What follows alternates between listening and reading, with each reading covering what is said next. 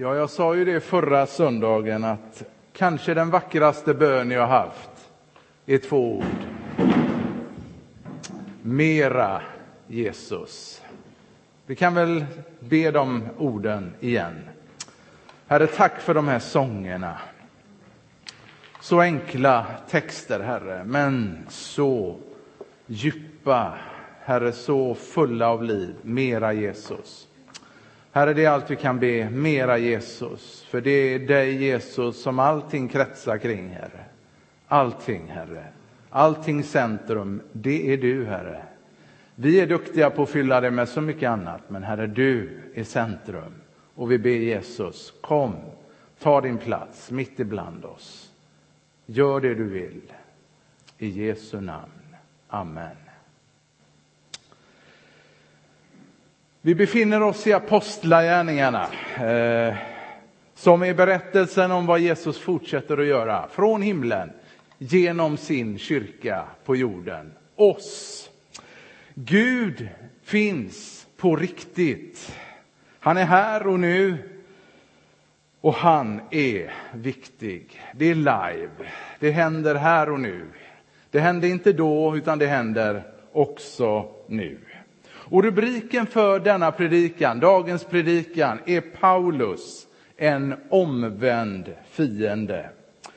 Vi har kommit till Apostlagärningarnas nionde kapitel. Ett kapitel som inleds med att Saulus ser Jesus på vägen till Damaskus. Men vi ska läsa ifrån kapitel 9, vers 10 och 20, till vers 22. Och jag tror att texten kommer rulla på väggen här. I Damaskus fanns en lärjunge som hette Ananias. Till honom sa Herren i en syn, Ananias. Han svarade, här är jag, Herre. Herren sa till honom, bege dig till en gata som kallas Raka gatan och fråga i Judas hus efter en man som heter Saulus och är från Tarsus. Ty se, han ber. Och i en syn har han sett en man som heter Ananias komma in, lägga händerna på honom för att han skall se igen. Då svarade Ananias, Herre, jag har hört av många hur mycket ont den mannen har gjort mot dina heliga i Jerusalem. Och nu är han här med fullmakt från översteprästerna att gripa alla som åkallar ditt namn. Men Herren sa till honom, gå, han är ett redskap som jag har utvalt för att bära fram mitt namn inför hedningar och kungar, inför, inför Israels barn. Och jag ska själv visa honom hur mycket jag måste lida för mitt namns skull. Då gick Ananias. Och när han kom in i huset lade han händerna på honom och sade Saul, min broder, Herren Jesus som visade sig för dig på vägen hit, han har sänt mig för att du ska kunna se igen och uppfyllas av den helige Ande. Genast var det som om fjäll full från hans ögon och han fick sin syn igen och blev döpt. Sedan åt han, fick nya krafter. Saulus stannade några dagar hos lärjungarna i Damaskus och han började genast predika i synagogorna att Jesus är Guds son. Alla som hörde honom blev häpnade och sade, var det inte han som i Jerusalem ville utrota dem som åkallar detta namn? Och kom han inte hit för att gripa dem och föra dem till översteprästerna? Men Saulus fick allt större kraft och gjorde judarna som bodde i Damaskus svarslösa när han bevisade att Jesus är Messias.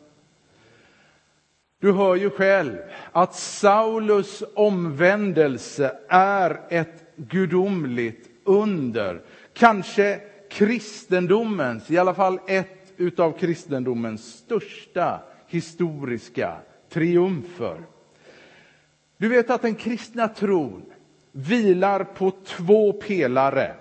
Den första är Jesu Kristi uppståndelse och den andra är aposteln Paulus omvändelse. Det räcker med att en utav dessa två pelare rasar samman för att den kristna trons uppbyggnad skall falla ihop. Ingen resa, inte ens Trysilresan, den ligger i lä. Ingen resa har varit mer betydelsefull en Jesu vandring upp mot Golgata kors. Där han dog i ditt och mitt ställe. Näst därefter, och inte ens här, jag ber om ursäkt, kommer Trysilresan med i uppräkningen. Näst efter kommer Paulus resa, eller Saulus resa, från Jerusalem till Damaskus. Du vet att av alla människor jag kan komma på så finns det ingen kandidat som är mer osannolik att bli en kristen än just Paulus, eller Saulus som han då hette. Denna exemplariska, begåvade, hängivna, ambitiösa, unga rabbin.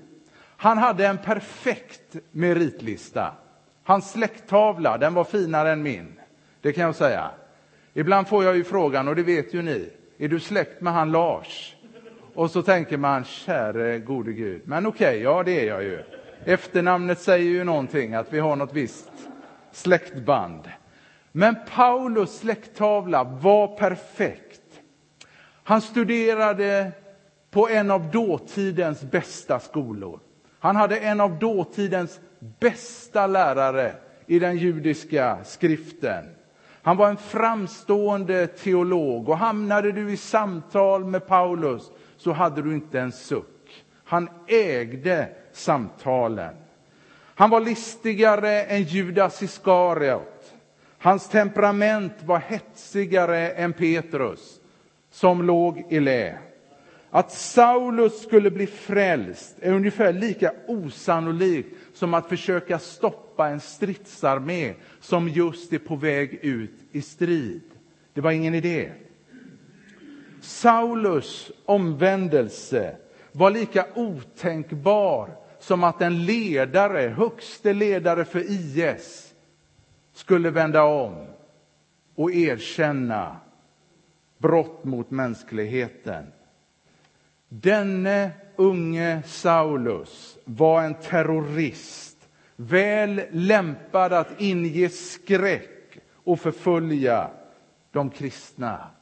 Lyssna på hur han beskrivs i Apostlagärningarnas sjunde kapitel. Vittnena lade sina mantlar vid fötterna på en ung man som hette Saulus. Och så läser vi senare, så stenades Stefanus och Saulus hade samtyckt till att han dödades. I det åttonde kapitlets tredje vers så läser vi, men Saulus försökte utplåna församlingen. Han gick in i hus, han knackade inte, han gick in i hus efter hus, släpade ut både män och kvinnor och satte dem i fängelse. Saulus var ett vilddjur på jakt. Du vet att vargen jagar genom att utmatta sitt byte. Lodjuret jagar genom att överraska sitt byte. Och när som helst så kunde Saulus stå utanför dörren. I det nionde kapitlets första vers så läser vi Saulus som fortsatte, fortfarande andades modlust och hot mot Herrens lärjungar, gick till översteprästen och bad om att få med sig ett brev till synagogorna i Damaskus. Och kunde han finna några som tillhörde vägen, vad gjorde han då?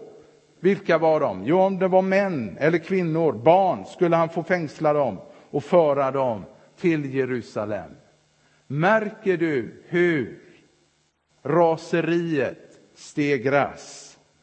Jag läste GP igår, några experter som uttalade sig om de här djurrättsaktivisterna som plötsligt nu inte drar sig från någonting. De säger att när man börjar avhumanisera sina måltavlor minskar steget till våld. Efter Stefanos död var steget till grövre våld inte långt.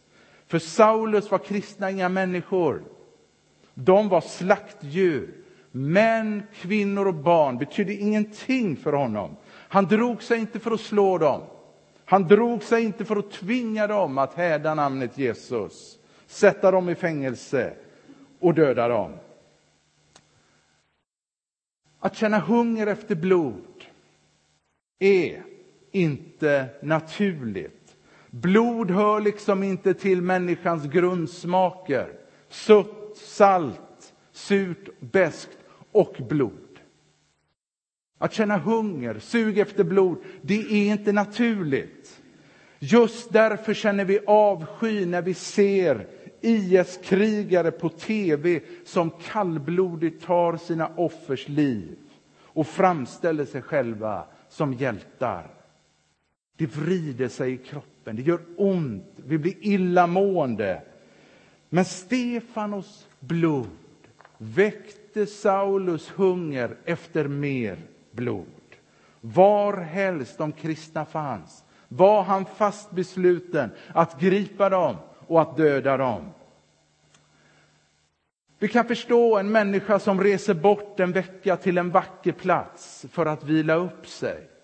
Men när en, när en människa reser sju dagar just med ärendet att döda, ta en annan människas liv, då har vi ingen förståelse. Saulus möte med Jesus på Damaskusvägen förblir ett gudomligt ingripande. Så ser Paulus på det själv när han säger, han som utvalde mig i moderlivet beslöt att uppenbara sin son för mig. Kom ihåg att när Paulus är på väg till Damaskus så är Jesus bara en människa, en död människa. Det är Jesus för Paulus, eller Saulus. Han blev med rättvisa dömd till döden. Denne Jesus dömdes till döden av Pontius Pilatus. Han hängdes upp på ett kors mellan två brottslingar, två rövare, två förrädare, två upprorsmakare och mördare. Han hängde där han hörde hemma. Jesus förtjänade att bli avrättad tillsammans med dessa båda män. Han var ju trots allt bedragaren från Nasaret. Vi vet, sa Paulus, att Gud talade till Mose. Men denne Jesus är en villolärare, en bedragare som leder människor vilse och därmed förtjänar att dö. Och eftersom man spikar upp honom på korset så är han och förblir han död. Detta är den Jesus för Saulus på vägen till Damaskus. Exakt så tänkte han. Och han var rasande mot de kristna som påstod att denne Jesus fortfarande levde. Men så på vägen till Damaskus så står han där, denne Jesus. Livslevande, odödlig, strålande, klarare än solens sken. Och Saulus hör en röst som säger Saul, Saul, Saul. Varför förföljer du mig? Och Saulus svarar, Herre, Herre, jag har aldrig förföljt dig. Jag har aldrig kastat ut dig i fängelse. Jag har aldrig slagit dig, aldrig stenat dig. Jag har aldrig höjt rösten emot dig, aldrig höjt handen emot dig. Vem är du, Herre? Och Jesus svarar, jag är Jesus, den som du påstår är död den avrättade brottslingen och grova förbrytare som dog mellan två rövare. Jag är Jesus från Nasaret, den utlovade Messias, den som du förföljer. Vilken intressant identifikation. Herren själv ser sig som ett med sitt folk, med oss det var som om Jesus sa till Saulus, när du hetsade dem att kasta sten på Stefanus, då krossade dessa stenar mig. När de grep mina lärjungar och satte dem i fängelse, så fängslade de mig. När de grep mina lärjungar, och slog dem så att blodet rann på deras ryggar. Då var det mitt blod som droppade till marken. Och när de dömdes till döden, då var det mig de slaktade. När de led och skrek, då led jag och skrek jag. Deras tårar är mina tårar, deras sorg är min sorg. Jesus är ett med sitt folk och vi är ett med honom. Du hör själv att Saulus möte med Jesus förvandlade honom. Jesus äger nämligen den förmågan. Honom predikar vi, han som kan förvandla oss på djupet. Plötsligt möter vi i texten en helt annan Saulus. Hårdheten är som bortblåst. Större livsförvandling får man leta efter. Vi läser att när han öppnade sina ögon kunde han inte se.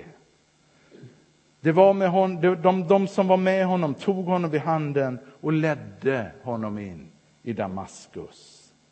Den elaka vargen, den blodtörstiga vargen hade blivit som ett beskedligt lamm. Och jag som trodde att Saulus skulle rida in i Damaskus som en segerrik fältherre. Jag som trodde att han skulle fara fram som en våldsam stormvind och dra med sig allt i sin väg. Men icke. Istället får han ledas in i stan som en tiggare, en blind tiggare. Och jag som trodde att han skulle rida in i Damaskus, stöddig, kaxig, med brev från självaste översteprästen. Men inte alls. Istället fick han ledas in i Jerusalem, eller i Damaskus, likt ett beskedligt lamm. Vem hade kunnat föreställa sig någonting liknande om och till denna ödmjuke, ångerfulla syndare skickar Jesus Ananias som får höra att Saulus ber. Den blodtörstiga vargen låg invid lammet, böjd, bruten. Paulus hade bett flera gånger förut. Varje dag, flera gånger. Men nu var det kontakt. Det rasande lejonet hade förvandlats till ett bölande lamm.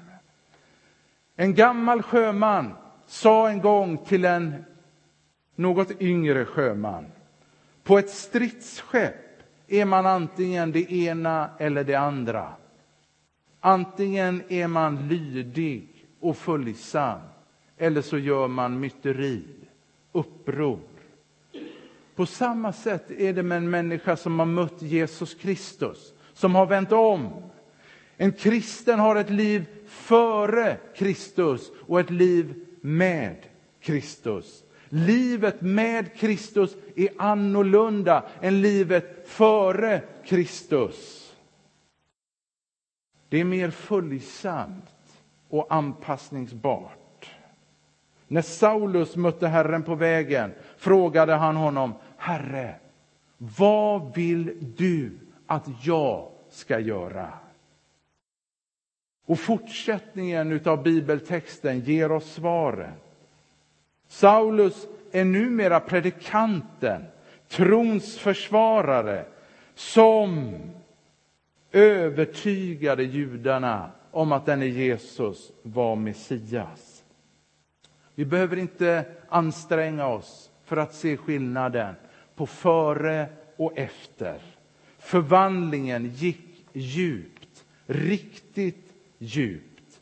Saulus hade varit den blodtörstiga vargen som drevs av att sätta skräck i flocken. Och vad gör han efter att ha blivit omvänd? Fängslar han judar istället? Gör han fariseerna och saddukeerna illa istället. Nej, han säger inte nu står jag på de kristnas sida, så nu tänker jag vara elak emot de andra. Efter sin omvändelse så står Paulus där, inte med ett svärd utan med en helig bok i sina händer och predikar att Jesus är Messias och han vädjar till människor. Och skulle han vara här idag så skulle han vädja också här. Att överallt omvända sig och tro på Herren Jesus Kristus. Det är en helt annan Paulus, eller Saulus, än tidigare. Vad säger en människa om de kristna utan tron på Jesus? Låt oss håna dem. Låt oss hugga ner dem. Låt oss stena dem. Låt oss bränna dem. Låt oss dränka dem och döda dem. Det går att se mycket hemskt på internet. Kanske bland det hemskaste jag har sett i ett klipp på Youtube. En ung flicka i Indien. Hon har precis kommit ifrån ett bönemöte. Och när hon går ut från bönemötet så möts hon av en gigantisk mobb. Vad gör de? Jo, de drar henne i håret. De är många. Otroligt många. Vad gör de? De sparkar på henne. Hon ligger där helt blodig. Hon försöker resa sig upp, gå därifrån. Vad gör de? Jo, någon kommer fram och tänder, eller kastar någon tändvätska på henne. Vad gör de? Jo, någon kommer fram och tänder eld på henne. Hon börjar brinna. Vad gör de? De står och tittar på henne. Hon kommer ifrån ett bönemöte. Det händer idag. Fruktansvärda bilder. Vad gör vi som är kristna? Vi griper efter ett annat svärd, efter Andens svärd, Guds ord. Låt mig bara kort säga någonting. Griper efter. Om jag lägger min bibel här och säger kom, kommer den då? Nej, den ligger ju där. Vad säger bibeltexten? Grekiskan säger grip efter. För att vara stridsberedd, då står man inte och säger till svärdet kom. För att vara stridsberedd, då griper man tag efter svärdet. För att försvara sig, man griper efter svärdet. Våra kedjor är de kedjor som binder oss att tjäna Gud oavsett livets omständigheter. Du ser att resten av Paulus liv är ett bevis på att Jesus förvandlade hans liv. Fortsätter du att läsa Apostlagärningarna så kommer du att läsa att för sin tro blev Paulus stenad. Vad gjorde han då? Reste han sig upp, tog de här stenarna och kastade dem ilska efter dem som hade stenat honom. Där i Lystra och släpat honom ut i staden i tron om att han var död. Inte alls. När han blev fängslad i Filippi och sen blev fri fängslade han då dem som hade fängslat honom? Nej. Välsigna dem som förbannar er, sa Jesus. För sin kristna tro fick Paulus lida mer än de flesta. Lyssna till vad han skriver om sina lidanden för trons skull. Jag gläds åt svaghet, förolämpningar, svårigheter, förföljelser, nöd för Kristi skull. Ty när jag är svag, då är jag stark. Saulus blev genom mötet med Jesus en förvandlad människa. Efter sin omvändelse reste han inte runt med ett mordbrev. Efter sin omvändelse var det ett annat budskap som han hade med sig. Ett glädjebudskap om att Jesus lever och att denne Jesus kan göra en människa helt ny på insidan. Och det är intressant, just detta. Att han som tidigare försökte utrota församlingen skrev minst 13 brev i Nya testamentet för att se till att ingen människa någonsin skulle behandla församlingen lika illa som han. Vill du ha en större passion och kärlek för församlingen? Läs Paulus brev. Det är hans kärleksförklaring till denna församling. Till, som Gabriel sa, familjen.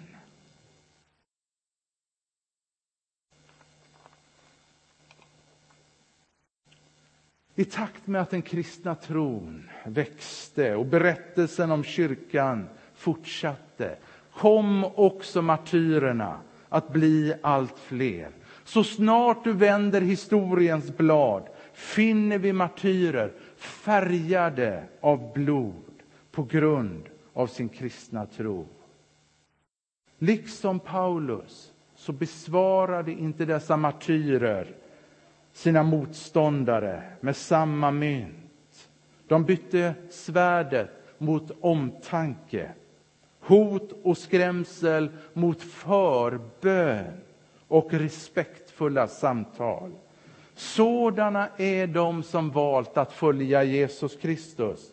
Vi predikanter är parakletos. Vi är som hjälparen, den helige Ande, som vädjar till människor att ge sina liv till Jesus. Vi är vägvisare som säger, här är vägen, gå på den. Kristnas gensvar på när världen hånar oss är aldrig att ge igen med samma mynt.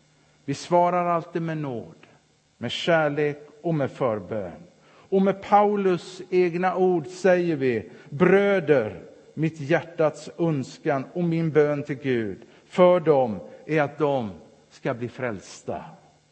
Sådant är vårt gensvar gentemot världen. Vi ber för dem, att de ska bli frälsta, lära känna Jesus. För det är honom de förföljer, inte oss. Jag bjuder in dig och uppmuntrar dig idag att ge ditt liv till Jesus som kan göra det ingen människa förmår. Var du än sitter, kom och kom för Jesus skull. Gör som Saulus, res dig, lämna din plats, vänd om och bli döpt. Du vet att dopet, det är att i tacksamhet och glädje över frälsningen böja sig under Jesus i tro och lydnad, lära och liv. Gör som Saulus och med mig och många med mig och med många med Saulus. Ge ditt liv till Jesus. Jag vet inte om det går att visa den där bilden. Du ser en bild framför dig. Och den säger, var rädd om processen. Det är det sista jag skulle vilja säga. Och jag kommer att projicera den på väggen flera gånger, kanske nästa söndag också. Du vet att det är någonting som sker i vår församling. Det är någonting som vi snappar upp och hör. Det är någonting som händer i vår församling. Och det är någonting att verkligen vara rädd om. Du vet att Saulus han brann för att skapa oro, kaos i församlingen. Det behövs inte mycket för att skapa oro och kaos i församlingen.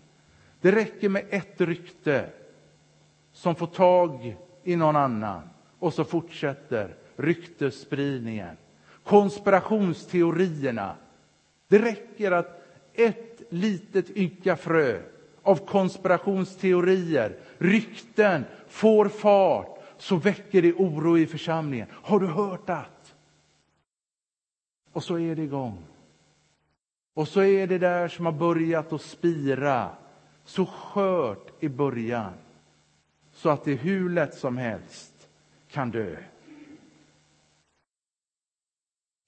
Låt oss istället, istället för att bli upphov till sånt, låt oss vara rädda om processen och låt oss, som vi läser i Apostlagärningarna 9 avslutning, leva i vördnad för Herren. Det är det enda du och jag behöver göra att alltid leva som om vi lever inför Herren, i vördnad. Han som är här, här och nu. Han som är på riktigt. Han som är med oss alla dagar. inte tidens slut. Leva i vördnad inför Herren. Låt oss be.